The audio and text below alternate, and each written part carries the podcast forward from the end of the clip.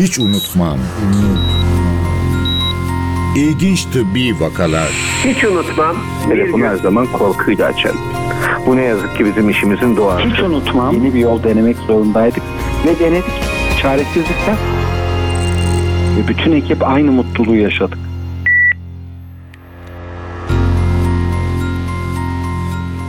Merhaba, ben Melike Şahin. Başımıza gelen her kötü olay ya da yaşadığımız her mucizevi an bizim için özel ve unutulmazdır. Hele ki sağlık söz konusu olduğunda. Ama bazı hikayeler var ki çok nadir rastlanıyor, sadece yaşayanın değil, tanık olan herkesin hayatında iz bırakıyor. Öyle ki her gün onlarca vaka gören doktorlar bile unutmuyor. Her hafta doktorların bile unutamadığı o hikayeleri sizlerle buluşturuyoruz. Hiç unutmam başlıyor.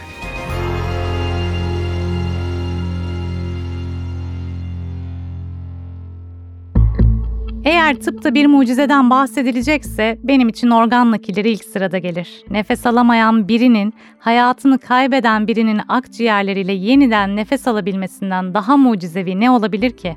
Bu hafta konuğumuz göğüs cerrahı Profesör Doktor Cemal Asım Kutlu.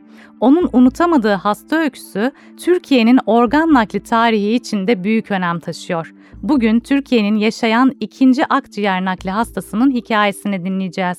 Bu hasta aynı zamanda Türkiye'de akciğer nakliyle en uzun yaşayan kişi. Nurettin Tatlısu ona ikinci hayatını sunan akciğerleriyle 13 yıldır hayatta. Ve ne mutlu ki o da bugün programımızın konuğu. Bu mucizevi hikayeyi bu kez hem doktordan hem de hastadan çift yönlü dinleyeceğiz. Sayın Cemal Asım Kutlu, Sayın Nurettin Tatlısu programımıza hoş geldiniz. Hoş bulduk. Hoş bulduk, sağ ol. Organ nakli hikayeleri beni her zaman heyecanlandırır. Organ nakli ölümle yaşamın birbiriyle nasıl bağlantılı olduğunu çok iyi anlatır bize. Birilerinin hayata tutunabilmesi, hayatını kaybeden birilerinin organlarının bağışlamasına bağlı olması gerçekten çok etkileyici ve çok zor aslında. Şimdi mutlu sonla biten şahane bir hikaye dinleyeceğiz. Asım Bey önce sizinle başlamak istiyorum. Bu yalnızca sizin için değil, Türkiye organ nakli tarihi için de önemli bir vaka. Nurettin Bey'le ne zaman, nasıl yolunuz kesişti? Size geldiğinde durumu nasıldı? Türkiye'deki ilk başarılı akciğer naklini 2009 yılının Mart ayında yapmıştık. Ondan sonra organ nakli yapmaya, akciğer nakli yapmaya devam ettik. O dönemde Türkiye'nin pek çok yerinden umutsuz pek çok hastayla görüştük. Nurettin Bey de onlardan biriydi ön hazırlıkları yaptığımız zaman Nurettin Bey'in akciğer naklinden başka herhangi bir seçeneği olmadığı ortaya çıktı.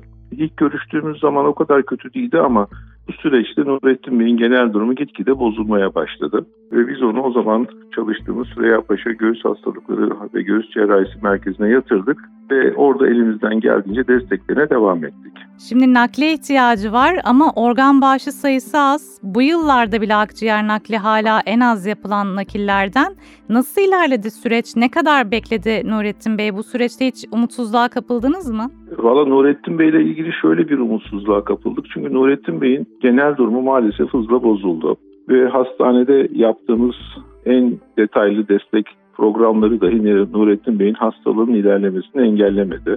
Bu arada da yoğun bir şekilde organ bağışı bekliyorduk zaten. Bu organ bağışları da biliyorsunuz akciğer nakli diğer organlardan biraz daha az bulunan bir organ. Şöyle söyleyeyim, pek çok hastada organ bağışı yapıldığı halde akciğerler kullanılamaz durumda oluyor. Bu pek çok sebepten dünya ortalaması aşağı yukarı her bağışta dörtte birinde akciğerleri kullanmak mümkün oluyor. Nurettin Bey'e de bu süreçte organ beklerken bizde bir organ çıksın diye bekliyorduk açıkçası. Fakat Nurettin Bey'in genel durumunun gitgide bozulması da bizi aslında moralimizi bayağı bozdu. Çünkü bu ameliyatın riskini çok arttıran bir durumda. Bu noktada Nurettin Bey'e dönmek istiyorum. Sizin açınızdan durum neydi Nurettin Bey? Giderek kötüleşmek ve önünüzde nakil olmuş örnek sayısı çok az bir kişi var. Umutsuzluğa kapıldınız mı? Ne durumdaydınız sağlık olarak o süreçte? Melike Hanım inanır mısın? Şimdi şu anda bile aynı günleri sanki yaşıyorum mazide. İlk defa ben iyi Üstün rahmetlik onun naklini olduğunu gazeteden öğrendim. Ankara'da yatıyordum o zaman hastanede. Onu görünce var ya sanki kendim kurtulmuş gibi oldum yani. Bu kadar sevindim iyi Üstün'ün yaşamasına. Çünkü Türkiye'de organ bağışı akciğer nakli yapılmıyor den, demişlerdi Ankara'daki hocalar. İlk defa sağ olsun var olsunlar tüm ekibiyle birlikte Asım Bey hocam Eyüp üstüne nakili yaptıktan sonra işte beni oraya yönlendirdiler. Ama ben git git git git de şey yapıyordum. Orada altı buçuk ay falan bekledim. Her geçen gün artık giden günü arıyordum. Her gelen gün giden günü arıyordum yani. Herhalde O nefes almak giderek zorlaşıyordu değil mi? Ne yaşıyordunuz o süreçte? Tamamen tamamen ben ölmek için dua ettim Melike Hanım. Ölmek için çünkü canım dedim ya Rabbi bir an önce canımı al dedim hayırlı ölüm ver bana diye böyle dua ederken işte bir anda artık bizi de geri göndereceklerdi. İsim vermek istemiyorum orada bir doktor bey belki o, o niyetle söylememiştir ama sen dedi en iyisi dedi ölmeye öleceksin git de dedi evinde öl dedi bana. O kadar kötüydü durumunuz ve O umutsuzdu. kötüydü yani ümitsiz idi. Ama dedim ki Allah'ım ya Rabbi yaşamam hayırlıysa yaşamayı nasip eyle. Ölümüm hayırlıysa ölümü bir an önce bana nasip eyle falan dedim. İşte ondan sonra da şey bulundu bir yerde Melike Hanım. Şimdi o beklenen akciğer bulundu. Biz bu konuyu Asım Hoca ile konuştuğumuzda tarihi hiç düşünmeden direkt olarak söyledi. O kadar aslında iz bırakan unutulmaz bir durum sizinki.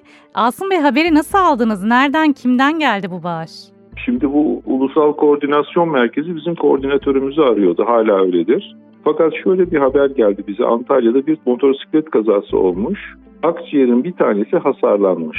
Fakat sağ akciğer mi hasarlanmış, sol akciğer mi hasarlanmış diye baştan öğrenemedik. Nurettin Bey'e de sağ akciğer nakli yapmayı planlamıştık ve kendi aramızda ilk haber geldiğinde şöyle dedik. Eğer sol akciğer hasarlıysa biz sağını alırız ama eğer sağ akciğer hasarlanmışsa o zaman yapacak bir şey yok. Hı hı. Ve ondan sonra süreç devam etti. Öğrendik ki sol akciğer hasarlı bir sağ akciğerini alabiliriz. Ondan sonra bizim ekip olarak bir ön değerlendirme sürecimiz başladı. Aşağı yukarı saat 11 gibiydi. Ben hastaneye gittim. Diğer arkadaşlarla küçük bir toplantı yaptık. Acaba organ naklini yapabilir miyiz, yapamaz mıyız? Çünkü bu kadar risk alınır mı, alınmaz mı? Fakat bu her organ naklinin öncesinde stres yaratan bir şey. Yani o riski almalı mıyız, almamalı mıyız diye düşünüyoruz. Ve şunu söyleyeyim, Perşembe günü bir hocamız Nurettin Bey'e sen artık evine git demiş. Nurettin Bey ve o zamanki o Nurettin Bey'i gerçekten pek çok işini halleden damadı da Cuma günü bana gelmişler. Ve Asım Bey'de biz veda edelim ondan sonra gidelim diye. Tesadüf o ki Cuma günü biz karşılaşamamışız. Ve bu cumartesi akşamı bir organ çıktığını öğrendik. Ve biliyorduk ki bu Nurettin Bey'in son şansı. Hı hı. Organı alıp almamaya karar verdik ama saat gece 1 olmuştu ki biz karar verdik ve organı alacağımızı Ulusal Koordinasyon Merkezi'ne bildirdik. Burada bir detay müsaade ederseniz söylemek Lütfen. isterim. Akciğerlerin bir koruma solüsyonu var. Akciğer nakli çok az yapıldığı için dünyada kullanılan solüsyon Türkiye'de bulunamıyordu. Ve bu kullanılan solüsyon yaklaşık 10-12 saatlik bir süre tanıyordu organın tekrar takılması için. Nurettin Bey bizim ilk defa bu solüsyonu temin edebildiğimiz hastamızdı. Ah Ve şahane. aşağı yukarı böyle bir süre olunca hani Antalya'ya gideriz, organı alırız, döneriz ve nakli yaparız diye düşündük. Ve bunu rahatlıkla yapabileceğimiz fikrindeydik ve organizasyonu yaptık. Sabahleyin de erken saatte 5-6 gibi tam şimdi saatini hatırlamıyorum. Ekip olarak Antalya'ya akciğeri almaya gittik. Bütün şartlar Nurettin Bey'in nakil olması için aslında olumlu yönde ilerlemiş. Değil mi? Valla işte o hani kısmet Buraya olunca kadar öyleydi. oluyor evet. Fakat biz akciğer ve kalp kullanılacağı zaman kalp cerrahlarıyla beraber bu organ alımı işlemini yapıyoruz. Kalbin çok hassas bir şekilde bir akciğerden ayrılması gerekiyor. Orada maalesef bir anlaşmazlık oldu ve biz akciğeri istediğimiz gibi alamadık. Ah. Akciğer bir miktar hasarlı alınınca gerçekten inanılmayacak kadar büyük bir stres oldu bizde. Fakat orada işi daha fazla uzatmadan akciğeri kullanılacakmış gibi torbaya koyup İstanbul'a getirdik. Yani Ama yeteri normalde- kadar ümidiniz yoktu aslında. Çok heyecanlandıramadı sizi değil mi o sorunun yaşanması? O sorunun yaşanması gerçekten beni kahrımdan öldürdü. Çünkü bu sebepten yapamayacak olsaydık gerçekten çok üzülecektim. Bütün şartlar bu kadar olduktan sonra teknik bir kusurdan dolayı bu nakli yapamamak gerçekten çok üzüntü verici bir durumdu. Biz normalde akciğeri aldığımız zaman hastamızı da burada ameliyata alıp ameliyata başlıyoruz. Akciğeri çıkartma işlemine süreyi kısaltmak için. Fakat Nurettin Bey'i böyle yapmadık. Biz ekip olarak İstanbul'a geldik. Ameliyathane şartlarında akciğeri çıkarttık ve tamir edip edemeyeceğimize baktık. Bu noktada Sonra bir bu ki- noktada hocam lafınızı bölerek Nurettin Bey'e dönmek istiyorum. Şimdi siz bu tür aslında bir sürü şey yaşarken Antalya'da Nurettin Bey her şeyden habersiz. Bir organın çıktığını biliyor. Size nasıl söylendi bu ve siz o ameliyat sürecini, nakil sürecini nasıl beklediniz? Çünkü biliyorum ki bazı nakil olacak hastalarda tam böyle süreç netleşince nakil olmak istemeye de biliyorlar bazen. Korkabiliyorlar ya da başka düşünceler devreye girebiliyor. Sizde durum neydi? Şimdi ben zaten ne hikmet ise hiç uyuyamayan insan ben uyumuşum o gece. Uyumuşum saat falan bilmiyorum yani ne zamandır ne zaman değildir de böyle bir el şöyle yüzüme iki tarafından yanaklarıma değdi. Ondan sonra gözlerimi bir açtım. Dedi ki müjde müjde Nurettin Bey dedi organ bulundu dedi. Allah'ım ya Rabbi gözlerimi ovuşturdum şöyle. Dedim ki ben rüya falan mı görüyorum hocam dedim. Gerçekten dedi bulundu dedi. Yalnız dedi kurtulma şansınız çok düşük dedi bana. Ben de dedim ki etmeyin dedim. Ne olursa olsun dedim yani. Ben şey olmak istiyorum. İsterse dedim yüzde bir olsun, binde bir olsun, milyonda bir olsun. Hiç de olmasa dedim benim ne olur dedim. Allah'ınızı severseniz benim nakil yapın dedim yani. Peki kadar beklerken sevindim yani. O kadar sevindim bulundu deyince. şimdi aslında bekleme süreciniz böyle durumlarda insan daha da sabırsızlanır. Saatler geçtikçe ne hissettiniz o ameliyata girme sürecini beklerken? Heyecanlandınız mı? Korktunuz mu? Hiç korkmadım Melike Hanım. Hiç korkmadım hiç. Yani Allah biliyor yani. Hiç korkmadım. Kendime göre okuyarak gittim. En son işte ameliyat masasına girdiğimi hatırlıyorum. Ondan sonrasını hatırlamıyorum. Ondan sonrasını da Asım Bey'den dinleyelim. Nasıl Evet. geçti nakil süreci?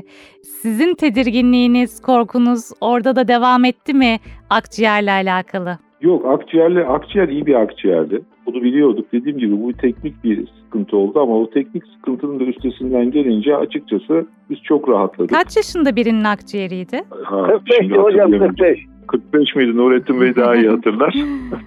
o teknik sorun dediğim gibi hallolduktan sonra ameliyat planlandığı gibi aslında çok da sorunsuz bitti. Ama akciğer naklinin şöyle bir özelliği var diğer organ nakillerinden. Ameliyat bitince iş bitmiyor. Hı hı. Esasında ondan sonraki mücadele, ondan sonraki çaba esasında ameliyattan çok daha fazla. Onun için geniş bir ekiple ancak bu süreçleri yürütebiliriz.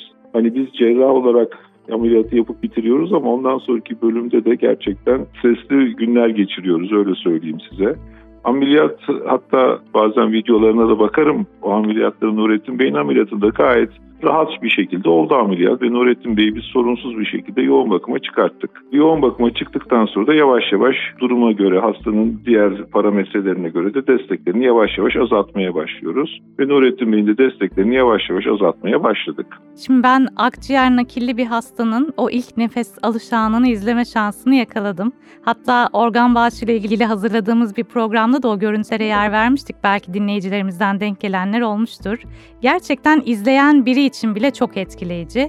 Yaşayan için düşünemiyorum bile. Siz hatırlar mısınız o anı? Önce Nurettin Bey'e sorayım.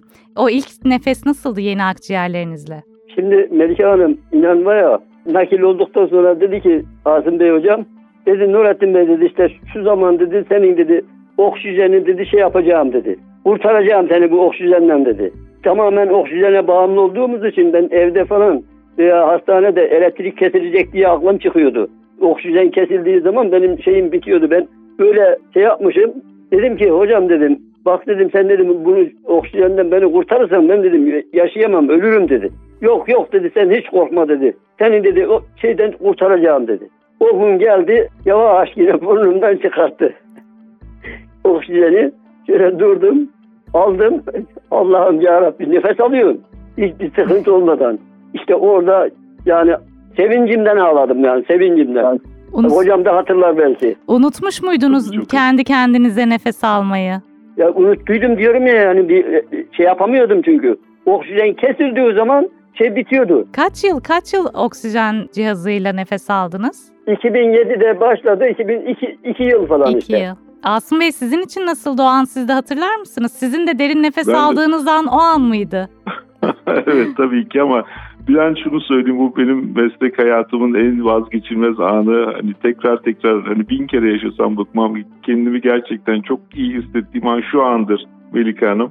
Tabii ki akciğer ameliyat bittikten sonra daha doğrusu akciğer yerine takıldıktan sonra akciğeri devreye sokuyoruz. Ve o an gerçekten bizim için hiçbir şeyle karşılaştırılmayacak bir an. O akciğeri anestezist arkadaşlar şişiriyorlar ve akciğer çalışmaya başlıyor. Ve biz ameliyatla ilgili başka bir teknik sorun olmadığını görünce artık o andan sonra göğüs kafesini kapatmaya ve işte ondan sonra işte süreci sonlandırmaya başlıyoruz. O an hani bu bir, birkaç dakikalık bir an gerçekten herhalde ben bütün öğrencilerime, bütün cerrah kardeşlerime böyle bir duygu yaşamalarını istiyorum. Bu bizim için çok çok kritik ve çok güzel bir duygu. Ama ikincisi tabii dediğiniz gibi hastanın kendi akciğeriyle nefes alıyor olması. Çünkü organ nakli dediğimiz zaman şöyle çok güzel bir tanımlama var. Ben onu çok seviyorum. Organ bir vücuttan alıp diğer vücuda takılacak ve orada da fonksiyon görecek. Evet. Eğer fonksiyon görmüyorsa bunu organ nakli diyemeyiz. Bütün organlar için geçerli. Dolayısıyla akciğer nakli içinde hasta kendi başına nefes alacak hale gelememişse zaten o ameliyat başarılı sayılamaz. Anlatabiliyor muyum? Dolayısıyla hasta zaten bin bir destekle yaşıyor. Hala ameliyattan sonra da yaşayacaksa o zaman bu yapılan işlerin bir anlamı kalmıyor. Ama kendi başına nefes almaya başladığı zaman bizim için gerçekten müthiş bir an. Ben Nurettin Bey'in de o, o anı çok iyi hatırlıyorum. Gerçekten hepimiz çok mutlu olmuştuk. Ama hepimizin gözlerinin dolduğu bir an daha var. Onu da müsaade ederseniz Nurettin Bey anlatsın. O da çok iyi hatırlayacaktır. İkinci sefer gözlerimiz niye doldu. Nedir Nurettin Bey? Hocam az bir ipucu verebilir misin? Torunlar. Ha ha. Bayağı uzun zaman oldu benim açımdan hastane ortamında. Torunlarımı göremedim. Torunlarımı o kadar özledim ki. O kadar özledim. Yoğun bakımda şey yaparken bir gün şöyle gözlerim bana dedi ki Nurettin Bey, Nurettin Bey dedi. Demek ki uyuyor muydum? Nasıldı bilmiyorum. Şöyle bir gözlerimi açtım ki boy sırasına göre dizmiş karşıma benim torunları. Bana dedim ya dedim ben dedim ya ne yani anlatılmayacak derecede o kadar sevindim o kadar sevindim ki anlatamam yani. Kaç Sevincimden- sorun vardı? O zaman üçüdü herhalde üç. Onları bir anda Yani- karşınızda gördünüz. Ha bir anda karşımızda gördük ben de şaşırttım yani bir anda. Ne mutlu As- e, Asım Bey siz mi bu buluşmayı ayarladınız? Evet bak Nurettin Bey'in birazcık moral desteğe ihtiyacı var dedik. Nurettin Bey zaten eşine çocuklarına çok bağlı bir insan bunu biliyoruz. Torunları da daha önce sohbetini yapmıştık. Dedi ki böyle bir imkan varsa gelsin torunlar bu Nurettin Bey için büyük bir motivasyon olur.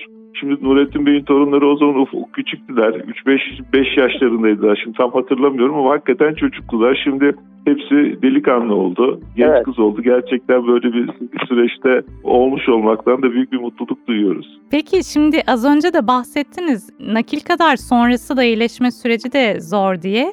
O süreci nasıl yönettiniz? Ne zaman taburcu olabildi Nurettin Bey? Nurettin Bey es- esasında şunu söyleyeyim hastaların ondan sonraki tedaviye uyumu başarı için son derece önemli.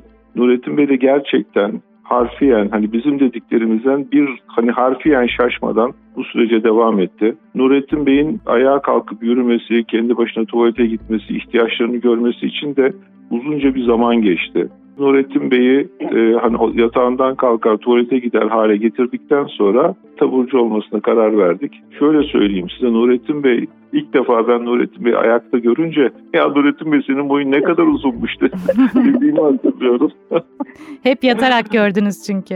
Hep yatarak gördüm çünkü Nurettin Bey'i. Ama gerçekten ondan sonraki süreçte Nurettin Bey'in gerçekten ekiple onu takip eden doktor arkadaşlarımızla olan kooperasyonu gerçi son derece iyi ve bundan dolayı da başarımız hani bu bir topyekun başarıdır aslında. Hani sadece basit bir ameliyat başarısı olarak düşünmemek lazım. O açıdan Nurettin Bey'in de hakkını burada teslim etmem lazım.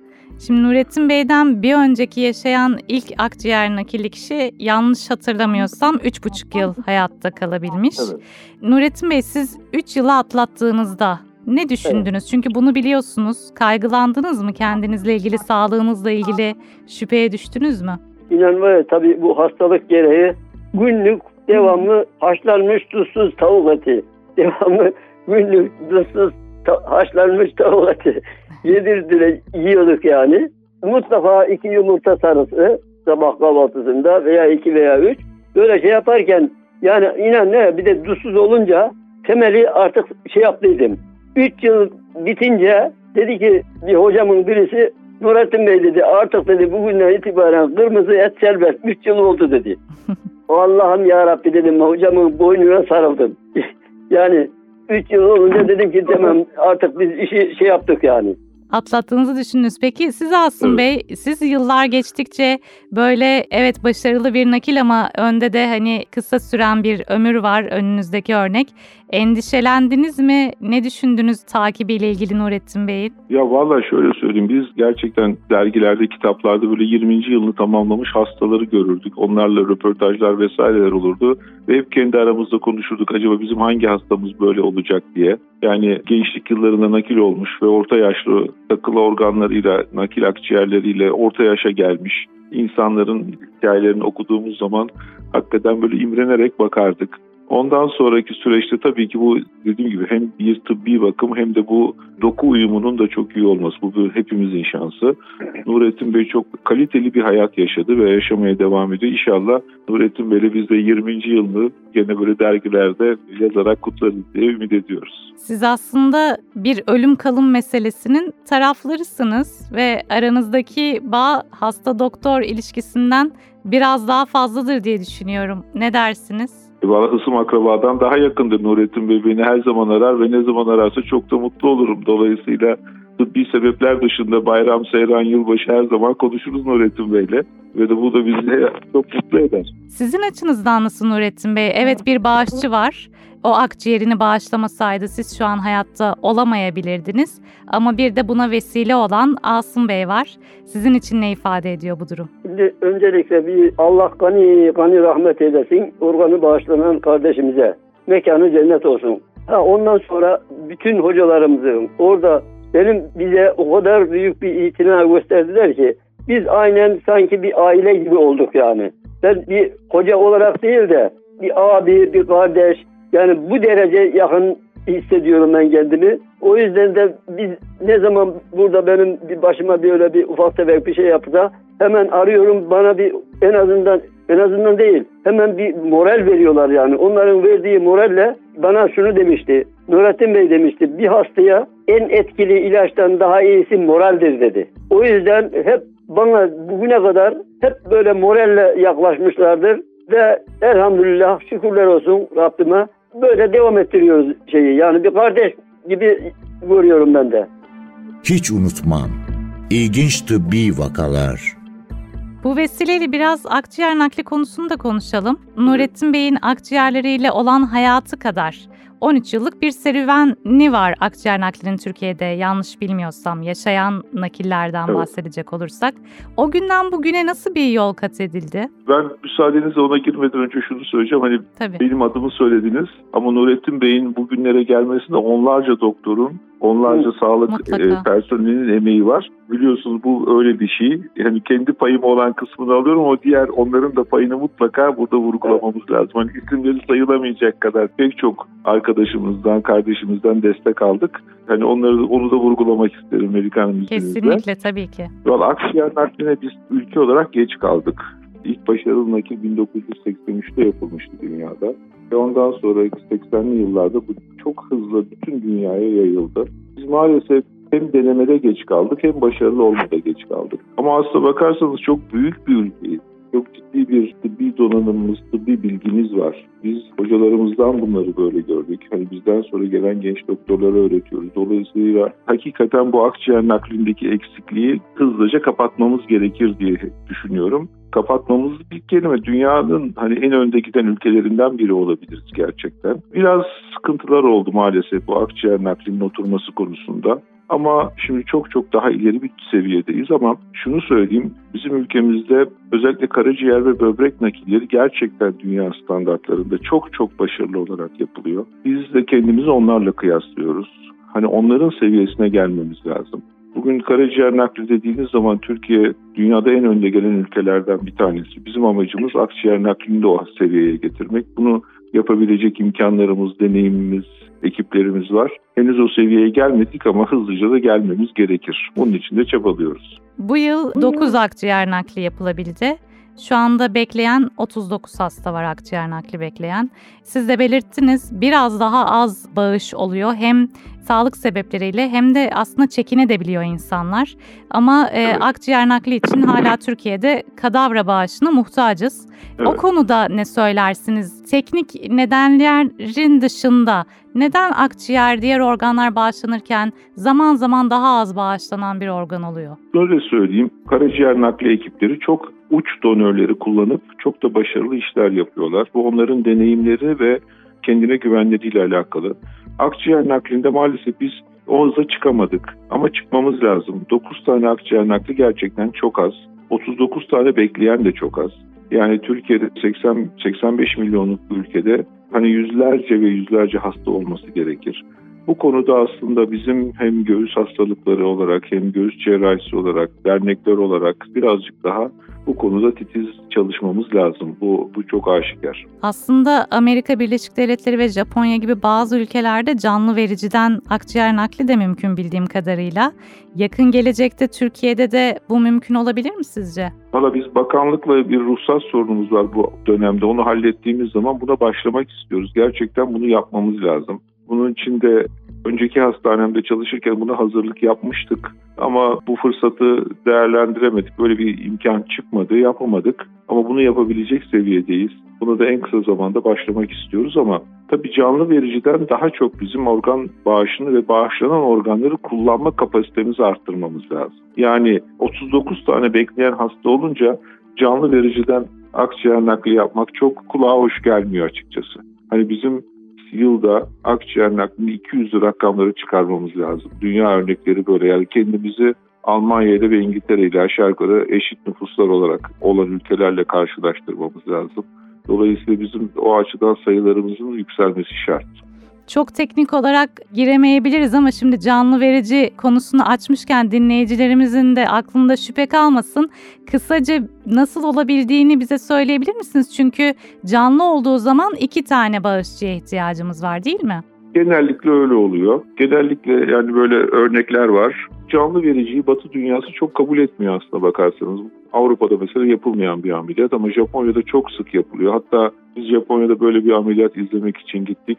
Mesela 60 yaşındaki bir hanıma 35 yaşındaki oğlunun akciğerinin bir lobunu alıp nakil yaptılar bizim seyrettiğimiz ameliyatta. Burada genellikle biraz hastalığına bağlı alıcının bir ya da iki tane lob gerek. O zaman iki kişiden alınıyor birer tane lob. Vericinin de e, kapasitesini aşağı yukarı %10-15 düşüren bir şey bu. Bizim akciğer kanseri için çok sık yaptığımız bir ameliyat ve hastalarımız ondan sonra fonksiyonel kapasitelerinde hiçbir şey kaybetmeden günlük hayat için söylüyorum. Çok rahat yaşıyorlar. Dolayısıyla böyle umutsuz durumlarda bu yapılabilecek bir şey. Aslında bakarsanız beyin ölümü olumunda olan nakillerden çok daha başarılı oluyor bu nakiller. Çünkü organ beyin ölümünden etkilenmemiş oluyor. Bir de siz ameliyatı çok daha programlayarak, planlayarak yapıyorsunuz. Dolayısıyla bu ameliyatların sonuçları kadavradan daha iyi ama şunu da söylemek lazım. Tabii kadavra nakil varken, kadavra organ varken canlı nakil düşünülemez. Canlı nakil bunun da ötesine geçen durumlar için düşünülmeli. Elbette. Son olarak organ bağışı konusunda mesajlarınızı almak istiyorum. Önce Nurettin Bey'e sorayım. Bunun önemini en iyi siz bilirsiniz. Ne dersiniz? Nasıl teşvik edersiniz insanları? Nasrettin Hoca öyle demiş ya. Bana eşekten düşen yani çok af buyur. Eşekten düşen, düşen bilir benim halimi diye. O yüzden mutlaka yani çok çok daha duyarlı olmak gerekiyor. Özellikle kendim açısından söylüyorum. Her gittiğim toplumlarda bunu mantiki bir şekilde izah etmeye elimden geldiğince karınca kadarımca şey yapmak istiyorum. Çünkü nihayetinde toprak olup gidecek. Diyorum bak diyorum 6 kişi bugün o bir kişinin organlarıyla yaşıyoruz. Yarın senin başına gelmeyecek mi diye o yüzden mutlaka herkesin daha fazla bugünkünden yarın daha fazla duyarlı olmasını temenni ediyorum. Siz ne dersiniz Asım Bey? Valla hepimiz organ bağışını, bağışçı olmayı konuşuyoruz ama hiçbirimiz organ beklemeyi konuşmuyoruz. Aslında yarın öbür gün başımıza ne geleceğini hiçbirimiz bilmiyoruz. Biz pekala bir gün bir hastanenin yoğun bakımında organ bekliyor halde de olabiliriz. Ve hani sosyal meclislerde hep konuşulur. Hani ben veririm, ben bağışlarım, ben bağışlamam diye hepimizin eşi dostu böyle konuşur. Ben herkese şunu söylüyorum. Organ nakli bekleyen bir hasta görse bir kişi asla ben organlarımı bağışlamıyorum diyemez. Dolayısıyla bu böylesine bir önemli konu. Ama toplumumuzun bilinci bu konuda bence her zaman birazcık daha artıyor. Bu konuda yoğun çalışmalar var biliyorsunuz. Onların sonuçlarını alıyoruz. Önümüzdeki yıllarda daha çok alacağız. Sayın Cemal Asım Kutlu, Sayın Nurettin Tatlısu programımıza katıldığınız ve bu şahane hikayeyi bizimle paylaştığınız için teşekkür ederim. Nurettin Bey akciğerlerinizle sağlıklı nice yıllar dilerim. Umarım bu hikaye dinleyicilerimize organ bağışını yöneltmeye vesile olur. İnşallah bir nebze de olsa faydalı olur, olabilirsek ne mutlu. Sizlere de ben, ben de ekibiniz adına Asım Hocama da çok teşekkür ediyorum. Sağ olun Melike Hanım. Ben de bu fırsat için hem size teşekkür ederim hem de dinleyicilerimize saygılar sunarım. Sağ olun. Bu hafta Türkiye'de akciğer nakliyle en uzun yaşayan Nurettin Tatlısu ve bu nakli yapan doktorlardan göğüs cerrahı Profesör Doktor Cemal Asım Kutlu'yu konuk ettik. Bu umut veren hikayeyi iki kahramanından dinledik. Türkiye'de organ nakli için sırada bekleyen 23 bine yakın hasta var. Onların hayatı, hayatlarını kaybeden birilerinin yakınlarının iki dudağının arasında. 18 yaş üstü herkes organlarını bağışlayabilir. Toprağa gidecek organlar ölümün kıyısındaki hastalara hayat verebilir. Bu bölümü organ bağışı üzerine en azından düşündürebilmeyi umarak kapatalım. Ben Melike Şahin. Hiç unutmam sona erdi. Haftaya Perşembe günü saat 11.30'da başka bir doktorun hiç unutmam dediği hikayesiyle yeniden birlikte olacağız. İyi günler. Programın tüm bölümlerini ntvradio.com.tr adresindeki podcast sayfamızdan dinleyebilirsiniz. Hiç unutmam. İlginç tıbbi vakalar